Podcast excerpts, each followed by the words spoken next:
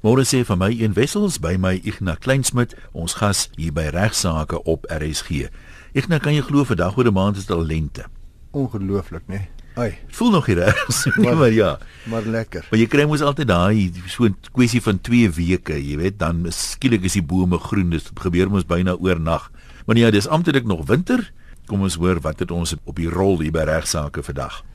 Ja, ek het 'n briefie gekry wat ek ongelukkig verlê het, so kan hom nou nie lees nie, ek eh, maar ek gaan die antwoord maar net gee en ek hoop die luisteraar luister vandag. Dis 'n Cornelia wat die vraag gevra het aangaande elektrisiteitsbeserings.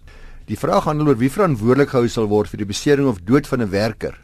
Sou die tuindienste vir wie hy werk 'n foutiewe toerusting verskaf wat die werker se besering of dood veroorsaak terwyl hy by 'n ander persoon se eiendom werk. Ek onthou die briefie het gesê dat die drade van hierdie tuindienste kom daar en die grassteier is werk met elektriese drade en dan kan jy kan sien die drade is uiters gevaarlik. As dele wat heeltemal oop is waar daar geen omhulsel is nie. En die en die en die toerusting is in 'n vreeslike toestand. Sy wil nou weet is nou by hulle eie huis. Sy wil weet wat gaan nou gebeur as iemand nou daar seer kry? Gaan sy inspreeklik sy wat Cornelia is of haar man of gaan nou die die kontrakteur wees die ou wat die tuindienste lewer? Nou uh, dus is dit die eienaar van die erf of die eienaar van die tuindienste wat nou gaan moet boet as die toerusting wat gebruik word nie op standaard is nie. Nou ten einde die vraag korrek te beantwoord, moet daar dan die resverhouding tussen die partye gekyk word. Dit is belangrik dis om gedagte te hou dat 'n verhouding 'n verbintenis wat mense het deur middel van 'n delik of 'n kontrak kan ontstaan. Nou slegs wanneer daar 'n resverbintenis is kan daar skade verhaal word. Daar moet 'n nexus tussen my en die ander party wees. Uh in hierdie geval is daar drie partye betrokke. Is die eienaar van die eiendom, die die werker natuurlik die werkgewer die tuindienste wat die werk gee en die werker van die tuindienste. Nou die aanvanklike verhouding ontstaan deur middel van die kontrak tussen die eienaar van die eiendom en die werkgewer om sy gras te sny. Ek stel jou aan. Jy sny my gras elke eenmal 'n week. Die tweede verhouding is die kontraktuele verhouding tussen die werkgewer en die werknemer. Jy werk vir my. Dis die terme waaronder jy werk. Dis jou diensvoorwaardes. En daai werknemer onderneem natuurlik om homself as 'n werker aan die werkgewer beskikbaar te stel. Maar daar bestaan geen kontraktuele verhouding tussen die werknemer en die eienaar van die eiendom nie. Daar's geen kontrak tussen die ou wat daar werk vir die tuindienste en tussen die eienaar van die eiendom nie. Hy werk vir die werkgewer, niks met my te doen nie as eienaar nie. Dat die enigste wyse waarop 'n verhouding wel kan ontstaan tussen die werknemer en die eienaar van die eiendom is as die eienaar 'n delik pleeg. Dit sou byvoorbeeld wees in gevalle waar hy bewus was van die feit daar is 'n fout met die elektriese koord. Hoe sou mens delik in meer algemene taal kan vertel? Is dit 'n onregmatige daad? 'n Onregmatige daad waarna sekere vereistes van voldoen moet word, gewoonlik nalatigheid, dis die hoofelement van 'n onregmatige daad. Ek sien nou, Cornelia sien nou, hoorie, hierdie toerusting is bitter gevaarlik. Daai elektriese koorde is kan enige oomblik as iemand daaraan geraak of met sy voet daarop trap, gaan daar 'n uh, probleem wees en die eienaar versuim dan om dit aan die tuindienste te openbaar. Anderswoorde ek sien dit. Tuindienste weet dit nou nie en ek moet vir hulle sê, "Hey, julle kan nie so werk nie, julle is dis gevaarlik." Dan kan daar moontlike sprake wees van 'n onregmatige daad aan die kant van die eienaar. Maar as dit is ekskuus ek val jou in die rede, maar as dit so ooglopend is, nee. kan ek my nie inding dat die tuindienste die nee, werkgewer kan sê ek precies, het nie geweet daarvan. Dis presies waarom ek sê dis hoogs onwaarskynlik, uh want as die eienaar se nalatigheid van die eiendom die rede was vir die dood of besering, wat onwaarskynlik is. Anderswoorde ek is die rede want ek het nie gaan sê vir die ja. vir die tuindienste nie.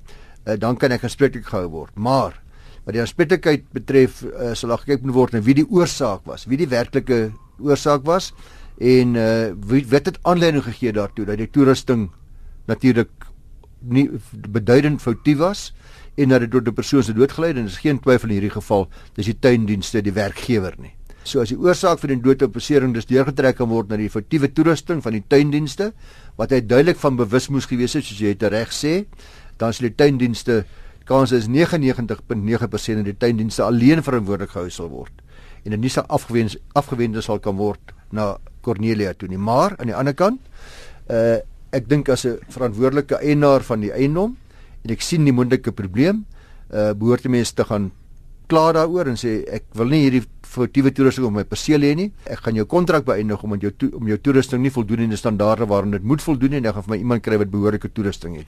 Daar's gewoonlik 'n toesighouer of so saam met die span wat werk in die Correct, in die ja. tuin met wie jy kan praat. Ja. Dan uh in die saak van Netbank beperk teen Jones en ander is ook 'n saak in 2017 2 SA 473 en hakies WCC het die eerste en tweede respondente meneer en mevrou Jones 'n huisleding in 2007 by Nedbank gekry vir 1,1 miljoen rand. Die leningsbedrag moes terugbetaal word teen maandelikse paaiemente van R10000 oor 'n tydperk van 336 maande met 'n rentekoers van 10,9%. Nou dit was in 2007, 3 jaar later, toe hierdie leningsbedrag gegroei na 2,2 miljoen rand toe. So hulle het nie stiptelik betaal nie en die rente het gegroei en Is dit weens rente agterstallige rente? Rente en wanbetaling. Uh 2,2 miljoen rand. Hulle het ook ander skulde gehad, die twee mense, die twee Joneses en dit was duidelik dat hulle soos wat die verbruikerswet sê over indebted was oorverskuldig was dat hulle duidelik hulle skulde hulle moontlike betaling daarvan verweg oorskry het hulle het 'n skuldberader genader wat 'n aansoek in die landshof gebring het vir skuldverligting en die bevel is wel toegestaan maar te bepaal dat die maandelikse paaiement dis nou die landshof vir die bevel maak moet nou verminder word na R4000 want jy kan nie meer R10000 bekostig nie. Hulle het in elk geval dit nie betaal nie. Die skuldberader vra bevel dat nou verminder word na R4000 en die skuldberader vra ook dat die rente verminder moet word van 10,9 na 10,4. Die tydperk waarbinne die bedrag terugbetaal moet word is egter oopgelaat op die basis dat die betaling sal voortduur totdat die leningsbedrag nou eendag afbetaal is. Nou dit sal aansienlik langer vat. Wel presies, want die maandelikse paaiement was nou minder as die bedrag ja, rente helfte minder. Wat tot gevolg het dat die bedrag kan nooit afbetaal word. Dit is 'n onmoontlikheid. Dit is 'n ewigheid. Dit sal net nooit afbetaal kan word. Dit groei hmm. in, inderdaad groei dit om 10,5% op daardie 2,2 heelwat meer is as die 4000 rand per maand. Sonder die skuldherrangskikking wat deur die hof toegepas is sou die respondent 17000 rand per maand moes terugbetaal indien om dit enigstens sinvol te maak. Nou word dit 4000 die applikant het na 5 jaar die hoër hof genader is nou Netbank vir 'n verligting uh, en indien nodig ook hersiening van die landrosbevel wat handel met die skuldherskikking, sou hulle dit maar so aanvaar vir vir 'n klomp jaar. 5 jaar het hulle wel die 4000 betaal. Correct. Die hoofargument was dat die landros nie die bevoegdheid gehad het in terme van die kredietwet van 2005 om onder andere ook die rentekoers te verander nie. Of sê dit kan nie wees nie. Die Netbank sê korrek, dit klink nie reg nie. Regter Gamble het voorgehou dat die bevel wat die landros gemaak het ultra vires is, oor buite die bevoegdheid van die hof en van geen krag dus was nie. Sy het tot gevolg gehad dat die leningsbedrag nooit deur die respondente afbetaal sou word nie en hoewe maak nie bevele wat tot eh, tot absurditeite lei nie. Die Hof het bepaal dat die Landroshof nie tydens hierdie verrigtinge waar daar 'n kontraktuele ooreenkoms tussen die partye is wat die rentekoers bepaal het, jurisdiksie gehad het om rentekoerse te wysig nie. Dis nie vir hom om kontrakte te wysig nie. Dit kan hy nie doen nie. Geen hof kan dit doen nie. Enige bevel wat hiervoor voorsiening maak is van geen krag nie en enige skuldherrangskikking wat voorstel dat die maandelikse paemente minder is as die maandelikse rente.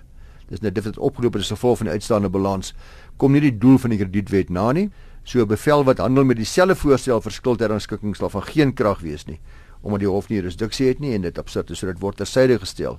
Nou kan mens dalk vra luisteraars wat is nou die effek daarvan? Wat gaan nou gebeur? Dis duidelik dat hierdie mense se vermoë om hierdie skuld te betaal baie naby aan nul is. Dit sou beteken dat die bank gaan waarskynlik wanneer die verband oproep en die huis uiteindelik in eksekusie verkoop word, die vaste eiendom, uh want die skuldberader se bevel is duidelik nie van toepassing nie. So as hulle nie nou gaan betaal wat die hof gesê het hulle eintlik moet betaal om seker te maak dat dit 'n sinvolle terugbetaling is nie. So skuldberading of skuldhersiening of skuldverligting beteken nie net mens met die spreekwoordelike moord wegkom nie. Daar moet nog steeds aan die einde betaal word. As jy nie kan nie, dan volg jy ander prosesse. Net in aansluiting daarbey, kom ons sê hulle skuld nou 2.2 miljoen aan Netbank en die eiendom verkoop vir 1.8 miljoen. Daai ander 400 000 wat er nog oorbly, hulle is dit steeds verskuldig. Dis nie nou so. alles klaar of verby nie. Dis ongelukkig so en is gewoonlik 'n groot skok vir die mense wat dikwels hulle huise vrywillig teruggee in die sin van ek abandoneer my huis. Ja. So gryp ons nou van die skuld ontslaa raak. Of ek hou my net op betaal en ek raak weg, ek gee nie my nuwe adres nie. Trek en die soort van dinge is amper 'n kop in die sand vir stryspolitiek want en ek dink dit sal weggaan ongelukkig nie want die huis word dan in verwaarloosde toestand verkoop sodat daar op 'n veiling nie veel vir die huis gekry word nie en dikwels beteken dit dan dat daar baie groot balans is tussen die verband en die opbrengs van die huis wat nog steeds hierdie skuldenaar verskuldig is. So my advies aan kliënte wat met finansiële probleme sit, sê kom ons as as jy huis nie self eerste advies is kom ons probeer die huis self verkoop vir die beste moontlike prys. Maar wees realisties as die huis net 1,8 miljoen rand werd is, dan moet ons 1,8 kry en reëling gaan tref met die bank vir die 3 of 400 000 rand wat nog verskuldig is. Maar dit help net dink daar gaan 'n wonderwerk by die veiling gebeur nie. Dit gebeur ongelukkig ja, nie. Dit gebeur baie met. Uh so die huis gaan waarskynlik daarvoor nog minder verkoop word sodat jy met 'n groter las uiteindelik sit. Ons kan nou se enetjie inpas hier as jy 'n korterige een het. Ja, hier is 'n bietjie inligting oor die verjaringswet van 1969 en dis 'n belangrike stuk wetgewing wat ek al heelwat gehanteer het en krities met ons luisteraars graag weer wil bespreek want dit uh, is belangrik om dit mooi te verstaan dat die verjaringswet maak voorsiening vir uitwissende sowel as verkrygende verjaring. En 'n goeie voorbeeld hiervan is 'n voorbeeld van verkrygende verjaring is waar 'n grondeienaar vir 'n tydperk van 30 jaar byvoorbeeld oor sy buurman se plaas ry ten einde uh, by die provinsiale pad uit te kom. Na 30 jaar vestig daar dan 'n reg van weg deur verkrygende verjaring, die gunste van so heersende eiendom. Die algemene vereiste hiervan is, ek het dit al voorheen bespreek, dat dit moet openlik uitgevoer word hierdie reg sonder geweld en sonder toestemming uitgeoefen moet word. So daar moes nie 'n moenie 'n vergunning gewees het nie.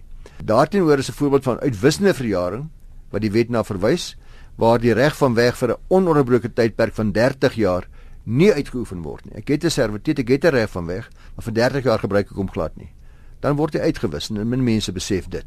So mens moet van tyd tot tyd maar jou regte gebruik net om weer daai 30 jaar te laat weer van nuuts af loop. Mm, mm.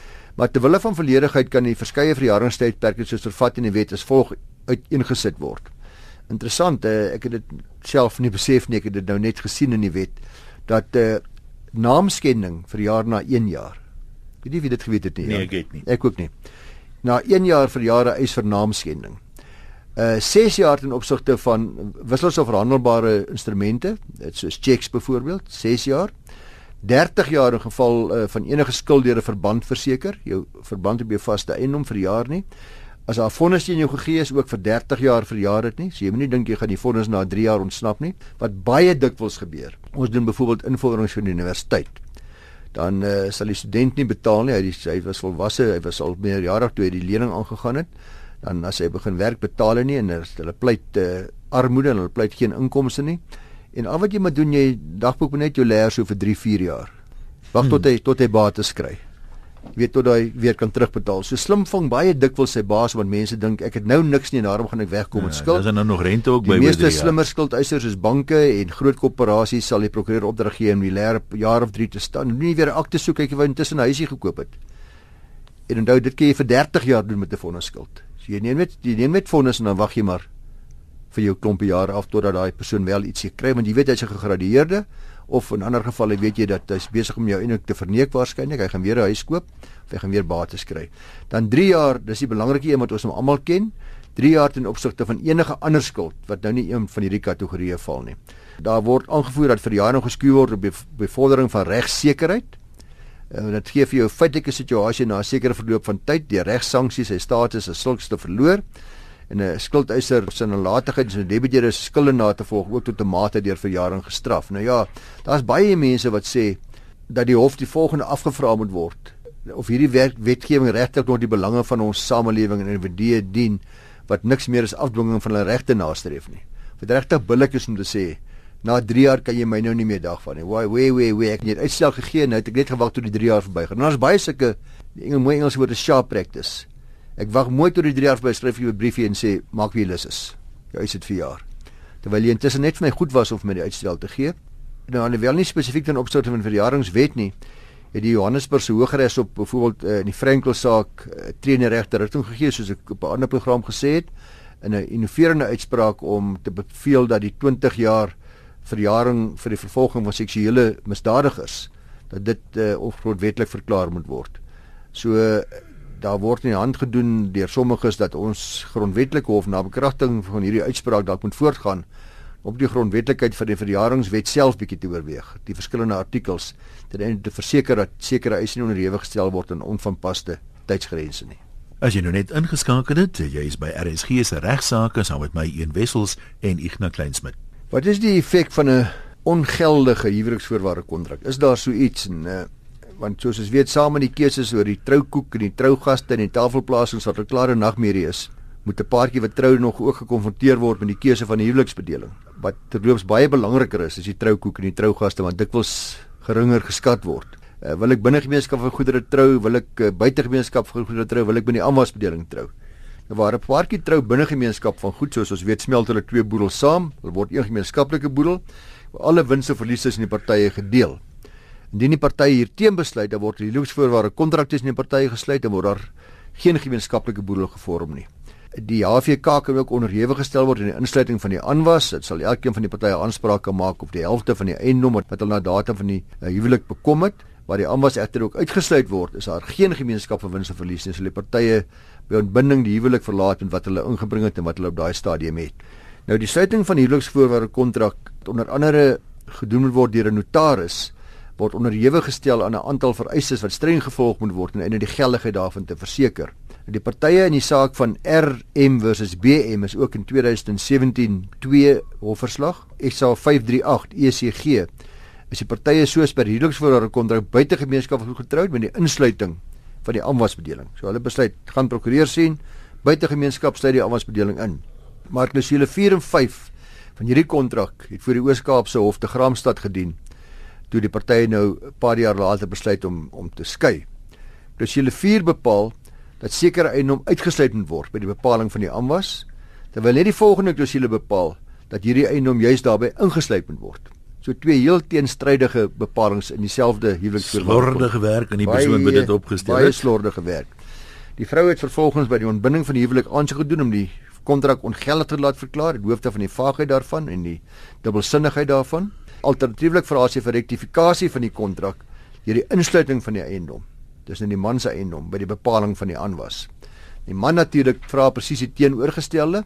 Hy vra vir rektifikasie van die kontrak deur die uitsluiting van die eiendom. Die hof het die man se aansoek toe van die hand gewys toe bevind is dat daar nie 'n gemeenskaplike tussen die partye was.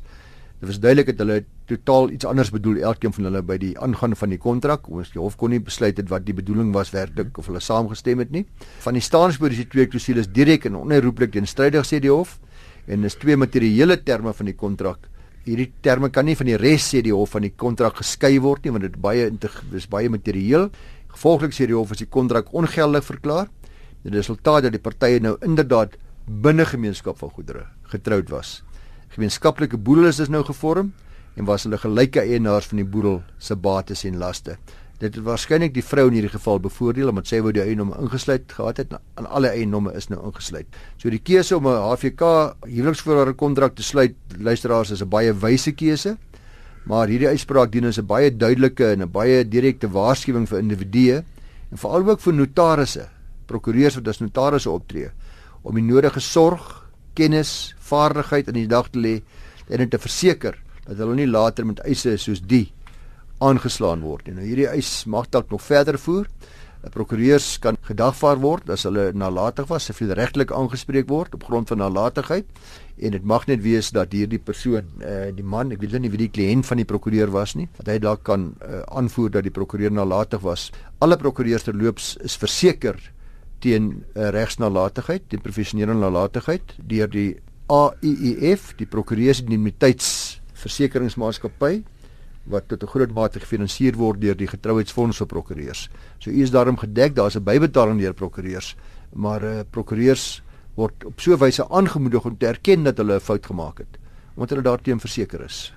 Net 'n vraag oor die woord notaris, Ignas. Baie mense ken dit nie. Is ja. enige prokureur outomaties 'n notaris nee. of is daar notarisse wat nie prokureurs is nie ook? Nee, daar's baie baie prokureurs wat nie notarisse is nie en daar is nie notarisse wat nie prokureurs is nie. Daar is die die notaris uh, die is deel van die drie vraestelle wat geskryf moet word deur prokureurs om toegelaat te word as prokureur en of aktevervaardiger en of notaris. So notaris is iemand wat uh, sekere regskennis moet hê. Is 'n redelike moeilike eksamen kan ek vir jou sê. My indruk is dat notarisse ongelukkig al hoe minder word omdat uh, daar nie baie werk vir notarisse is nie. Dit is nie 'n betalende ding nie. Maar dit is 'n baie belangrike aspek om 'n prokureurskantoor wel te hê om 'n omvattende diens aan jou kliënte te lewer. Uh, soos byvoorbeeld die verleiding van die huweliksvoorwaarde hmm. kontrak. Kontrak wat byvoorbeeld vir langer as 10 jaar is 'n huurkontrak almal alles wat by die akteskantoor notarieel geregistreer wat geregistreer moet word teen die titelakte moet notarieel verlei word. So dis moontlik dat jy 'n prokureurspraktyk het met sê maar 10 vennote, maar nie, maar nie al 10 is notarisse nie. Goed, en dan in daai geval sal jy byvoorbeeld as jy 'n kontrak moet opstel, jy sal jy konsultasies kan voer maar die persoon is nog 'n behoorlike konsultasie moet gaan voer vir jou kollega wat 'n notaris is ja. sodat dit behoorlik kan verlei en seker maak die inhoud daarvan word verstaan deur die twee partye. In hierdie geval was daar duidelik duidelik 'n groot skroef los by die by die opstel van die Ja, die mens kan sien. Reg, ons kan nog enetjie inpas. Ons het 'n vraag gekry van 'n luisteraar. Goeiemiddag, ek en ek en van my familie en vriende bly in deeltitelkomplekse, maar sien nie veel van die implementering van die nuwe deeltitelwet waarvan jy gepraat het nie. Dan vra hy die belangrike vraag: Is daar strafmaatreëls en indien wel wat? Dis dalk tyd vir 'n opvolgprogram op RSG. Nou, ek gaan net vinnig verwys na die strafmaatreëls en die implementering van die nuwe deeltitelwette. Ek het die vraag verwys na iemand daar by ons kantoor by Van Velden Duffy wat 'n kenner op die gebied is, naamlik uh, Christof Meyer in ons eiendomsreg afdeling en hy antwoord is volg: As jy die luisteraar se vraag kan betrek nie op verskillende aspekte. Byvoorbeeld, is daar strafmaatreëls in plek vir eienaars of bewoners van 'n een eenheid wat hulle self nie gedragsreëls hou nie? Of byvoorbeeld, is daar strafmaatreëls in plek teenoor die beheerliggaam wie byvoorbeeld nie sy verpligtinge nakom nie, ensovoorts ensovoorts. Uh hy sê ek bied ek bied graag die oplossing as volg aan vir bogenoemde verskillende situasies. Die Sectional Title Schemes Management Act. Jammer vir die Engels, maar die wet is net is in Engels daar gestel. Sowel as die Community Schemes Ombud Service Act bevat ongelukkig geen strafmaatreëls nie. Indien 'n eienaar of 'n bewoner van 'n een eenheid 'n beswaar of 'n dispuut het van watter aard ook al, sou sodanige persoon eerstens moet poog om dit na die beheerliggaam te verwys vir 'n oplossing. Indien die persoon van mening is dat sy of haar beswaar of dispuut nie opgelos is nie of nie bevredigend opgelos is nie, dan bied die wet die volgende oplossing. Dis nou die Community Schemes Ombud Service Act. Artikel 38 van die wet handel met die aansoek van 'n dispuut. So enige persoon mag dan aansoek doen by die ombud dat daardie persoon 'n party is tot 'n dispuut of daar dat dit daardeur geraak word. Die aansoek moet ingedien word, die fooie moet betaal word, die aansoek moet melding maak van uh wat die uitslag of die medie is wat die aansoeker soek, wat hy graag wil hê bevind moet word. Die aansoeker moet verder verwys na die name en adresse van persone wat deur die aansoek geraak mag word. Artikel 39 handel met verskeie remedies wat die ombud daar kan vir ons gee, die oplossings waarvoor aansoek gedoen kan word. Dis die remedies die finansiële inspekte, naamlik gedrag van die inwoners, die bepaling van die gedragsreëls, uh, reëlings oor die vergadering van beheerliggame, reëling oor die dienste van of gebrek daaraan van beheerliggame ensovoorts. En uh, artikel 47 van die wet bepaal dat die ombud die aansoek moet verwys vir konsiliasie indien die ombud van mening is dat die dispuut tussen die partye moontlik geskik kan word. So daai beregting deur 'n kon deur 'n mediator of 'n konsiliator of hulle noem dit dan 'n beregter, adjudicator sê die hof, 'n beregter wat dan hierdie saak moet beslis. Hierdie beregter kan dan besluit om aansoek af te keer of om die aansoek toe te staan en die remedies toe te staan waarvoor daar in die aansoek gevra was. Artikel 56 bepaal dat die beslissing van die regter dieselfde gewig dra as 'n hof se beslissing. So uiteindelik is die strafmaatreël daar as dit as dit nou geld klink, dan kan u voortgaan met eksekusie asof dit 'n vonnis was, 'n formele vonnis. Maar daar's nie ander strafmaatreël as jy kry 10, 100 rand gevangenis uh, 100 dae gevangenisstraf of 1000 rand ja. boete of wat ook nogal nie niks daarvan na die aard nie. So ek stel voor dat u moet beslis uh, die luisteraar wat vir ons geskryf het Sy naam is Ollie Olwage. Ollie, jy kan gerus maar gaan artikel 39 van die wet lees waarna ek verwys het, want hy gee 'n baie duidelikheid eensetting. En na gelang van julle situasie of jou ongelukkigheid, uh, lyk dit wel of die wet 'n oplossing sal bied. Ja, daarom moet ons sê fluit fluit vandag se storie is uit. Praat volgende maandag weer.